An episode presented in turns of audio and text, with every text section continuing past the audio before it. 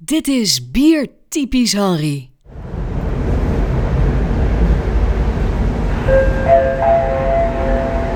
Próxima estación, Gran Vía, correspondencia con línea 5 y cercanías Renfe.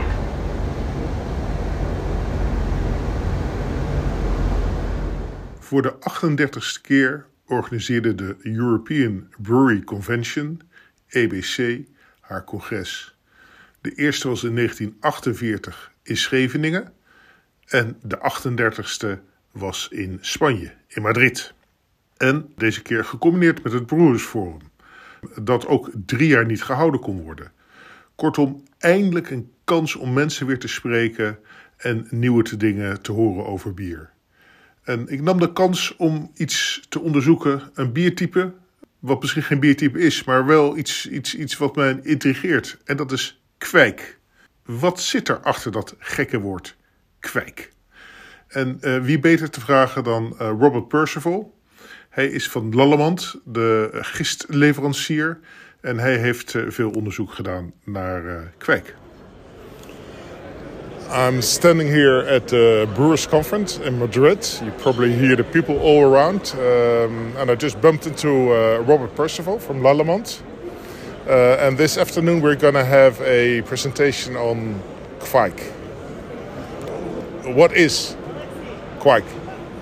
Uh, hi, Henry. How are you doing? Um, great to be here, and uh, I hope you can join us for the talk this afternoon. Um, so, Kavaika, I think, put simply, is farmhouse yeast. And uh, how do we unpack that? I mean, first of all, it's crucial to say that Kavaika is Saccharomyces cerevisiae yeast. It is not anything wild or funky that we might associate with farmhouse brewing. So So it's, it's just a normal, but not so normal brewer, brewer's yeast. No, they are genetically distinct. I mean, there's been some great work on genome sequencing been done. Um, you know, headed by Lars Marius Garshol, and uh, I think in collaboration with the team at Escarpment Labs in uh, in Canada, who they are distinct. Uh, they have their own group, um, but they are Cere- uh, Saccharomyces cerevisiae. So they they they form an odd branch in in the kind of beer yeast genetics, but you know ultimately they are you know brewing yeasts. Yeah. And, and why would any brewer venture into kveik? Why would there be a whole session about kveik here? Well, many people are saying it's it's the future um, of of yeast, and I, I think for, for several factors. I mean, when I first heard about it, um, I was I was actually at a conference in in Bratislava talking about sour beer, and, and a, an excited homebrewer came up to me and, and said, "Have you tried a beer with Kavaika?" No, I had just heard this. I think uh, Lars Marius had published one of his first papers, and I heard about these incredibly quick yeasts, but you read things on paper and you don't necessarily believe in this. Homebrewer said that he'd fermented at 40 degrees C. Would I like to try his beer? And I thought, God, no, that's going to be awful. It's going to be riddled with off flavors and uh, higher alcohols and out of control esters and all all these stress related things that you'd associate with a high temperature fermentation. But to my uh, surprise and, and delight, it, it was uh, incredibly clean. Um, and so he said the fermentation from uh, original gravity uh, was complete within 24 hours. Um, across these, these high temperatures, they're, they're incredibly um, flavor stable and uh, just the potential for small brewers, uh, you know, that necess- don't necessarily have much uh, process control, particularly in fermentation temperatures and, and more extreme conditions. It it represents, you know, the answer to, to so many problems in fermentation.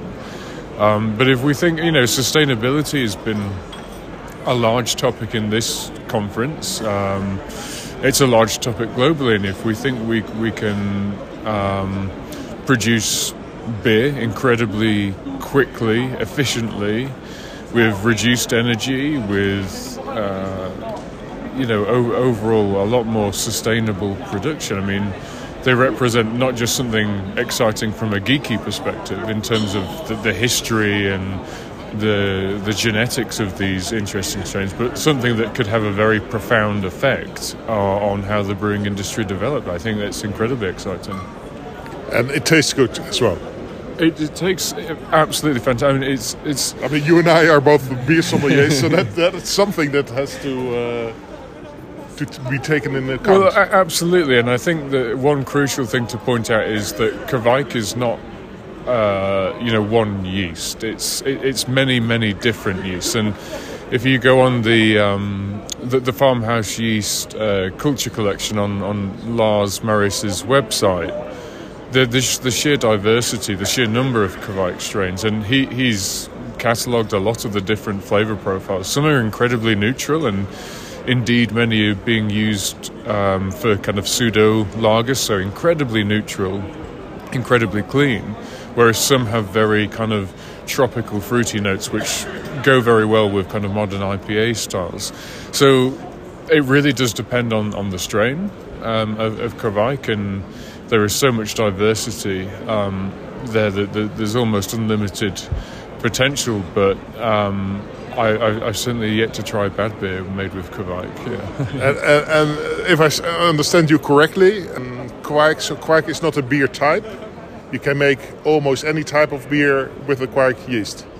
Uh, correct. I mean, obviously, the, there are the, the farmhouse ales that were, you know, tr- uh, traditionally brewed, um, you know, using these yeasts are, you know, fairly distinct. Um, so they involve quite uh, quite long boil times to really concentrate um, what I do. A much kind of sweeter, maltier beer. They're typically flavoured uh, not so much with, with hops, but certainly the the uh, kind of juniper and spruce tips, and uh, it's the, the kind of jun- juniper branches are, are kind of iconic. So, yes, the beers brewed with these yeasts were, were quite distinct, but it's certainly not a beer style. And and actually, the vast majority, I would say, from from our point of view as, as a yeast provider selling to brewers, I'd say the vast majority um, of, of brewers using our LalBrew Voss strain are actually using it on, on quite modern uh, pale ales and IPAs. Um, and, and many, I think, started to, to list IPAs as Kveik IPAs. And that seems to have disappeared. And I think the reason for that is that the consumer's uh, uncertain uh, about what Kveik IPA is, and you start talking about farmhouse, and you, you think funky, you think Belgium, and quite well, to some extent inaccessible for the kind of the majority of, of beer drinkers, the average beer drinkers. So It, it will be just marketed as IPA then, or absolutely, so a lot of a lot of um, it's strange. I've heard quite a few brewers say they produced a Kveik IPA. It did not sell. They've removed the Kveik from the label, and it's now one of the most popular, uh, you know, in their core portfolios. So uh, there's a lot of beer you're probably tasting quite regularly made with Kveik that is not uh, positioned and communicated as, as Kveik. Yeah. I like that in English phrasing, Kwijk regularly. rarely. yeah, yeah. Okay, thank you very much, Robert. You're, welcome. Enjoy the rest of the show. Oké, dus kwek is geen biertype, maar het is een gist. En sterker nog een soort van wondergist, waarmee je heel veel verschillende biertypen kunt maken. Een Noorse boerengist die geen boerensmaken geeft. Met die gekke naam, kwijk. En nu ik toch in Madrid ben, is het eigenlijk wel leuk om een lokale brouwer te vragen wat hij met kwijk doet. En wat hij met deze Noorse krachtpatser allemaal uit kan eh, spoken. En hoe die zich gedraagt in het klimaat in, eh, in Spanje. Dus ik ga op zoek naar Roman Gove van de Peninsula Brouwerij. Want hij brouwt met kwijk. Oké, I'm uh, here with uh, Roman Gove from Peninsula Brewery in Madrid. You are one of the first ones, I guess, especially in Spain, but maybe in the world, to brew with uh, yeast. Why did you? Well, except from from Norway, of course. But why did you decide to uh, to use kveik? Hello, Henry. Thank you for inviting me. Uh, yeah, I, I, I would not put myself on the first one. Yeah, there's there's a lot of great brewers out there testing uh, their beers with this yeast. Uh, we started using it about three years ago, and the experience has been great. We use it mostly on hazy IPAs, getting uh, very citrus, orange peel aromas on the beer. And uh, I think uh, it's a great uh, yeast for brewers that want to experiment with IPAs with different profiles. So Kveik is, is, is not a beer style. You can make different beer styles. I think Kveik is yeast is is uh, this Norwegian uh, yeast uh, with different cultures, mixed cultures that uh, were used in towns to towns. I think uh, the story's very very nice how uh, a person like Lars dedicated to collect them and tell the story about what they're about and tell the story about how Norwegians made uh, Kveik beers.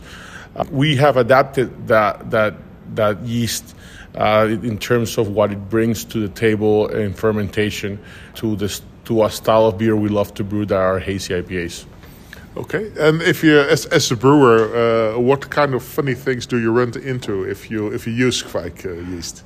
Uh, I always remember the first time we brew it, and you fermented really high at 38, 38 Celsius, and you you get a sample and it tastes and it's almost feels like you're drinking soup. Uh, it's it's one of those weird first time experiences. Uh, it's hot and it's it's not what you typical taste out of your fermenter. But then uh, you figure out uh, all that it brings to the table, and you start living with the idea that it ferments really hot.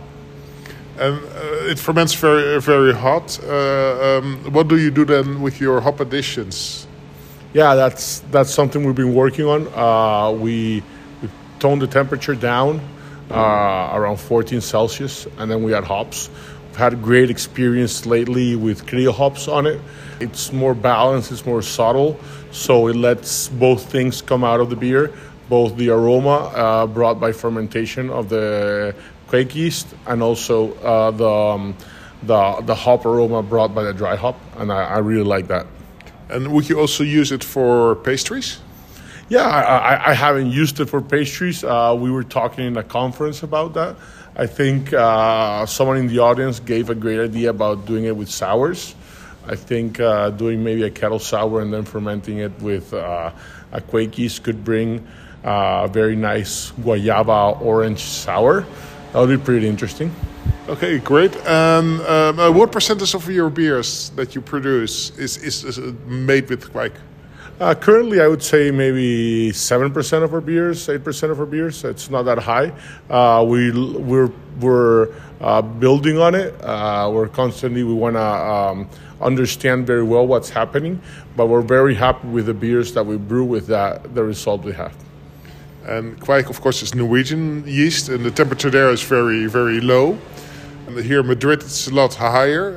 Um, I kind of. How difficult is it to to get your temperature down? Then, I mean, in, in Norway, you just throw the the the the, the fermenting uh, wort in the in the snow or something. But I guess it hardly ever snows in uh, in Madrid. Yeah, it's it's actually pretty extreme weather in Madrid. We get really cold winters and really cool summers. Uh, but yeah, the, um, I would say uh, it's a challenge. Um, I always tell brewers uh, that the first time you brew this beer, you'll have more challenges than you expect. But then you start learning from it, and uh, it's hard to cool down wort from 40 Celsius down to minus one, but you end up doing it. It's okay. Okay, thank you very much. And uh, I enjoyed uh, drinking your beers, and I will enjoy drinking the next one. Thank you so much, Henry. I really enjoy your support to craft beer. Cheers. Cheers. Kijk, en dit is nou eigenlijk waarom ik die bierwereld zo fascinerend vind. Je hebt een Noorse wondergist die allerlei exotische smaken weet te produceren. En die het juist heel warm laat worden. Terwijl dat van een Noorse gist niet zou verwachten. Je hebt een gistleverancier die zegt, nou, misschien vonden consumenten die naam kwijk wel moeilijk. Dus waarom zou je het op het etiket zetten? Terwijl de brouwer juist zegt van, nee, dat doen we wel. Want dat staat zo goed. Ik uh, hou van deze wereld. Hoog tijd om nog een bier te pakken. Natuurlijk eentje die gemaakt is met kwijk. wat anders. Gaat het nog een beetje, meneer Reuglin?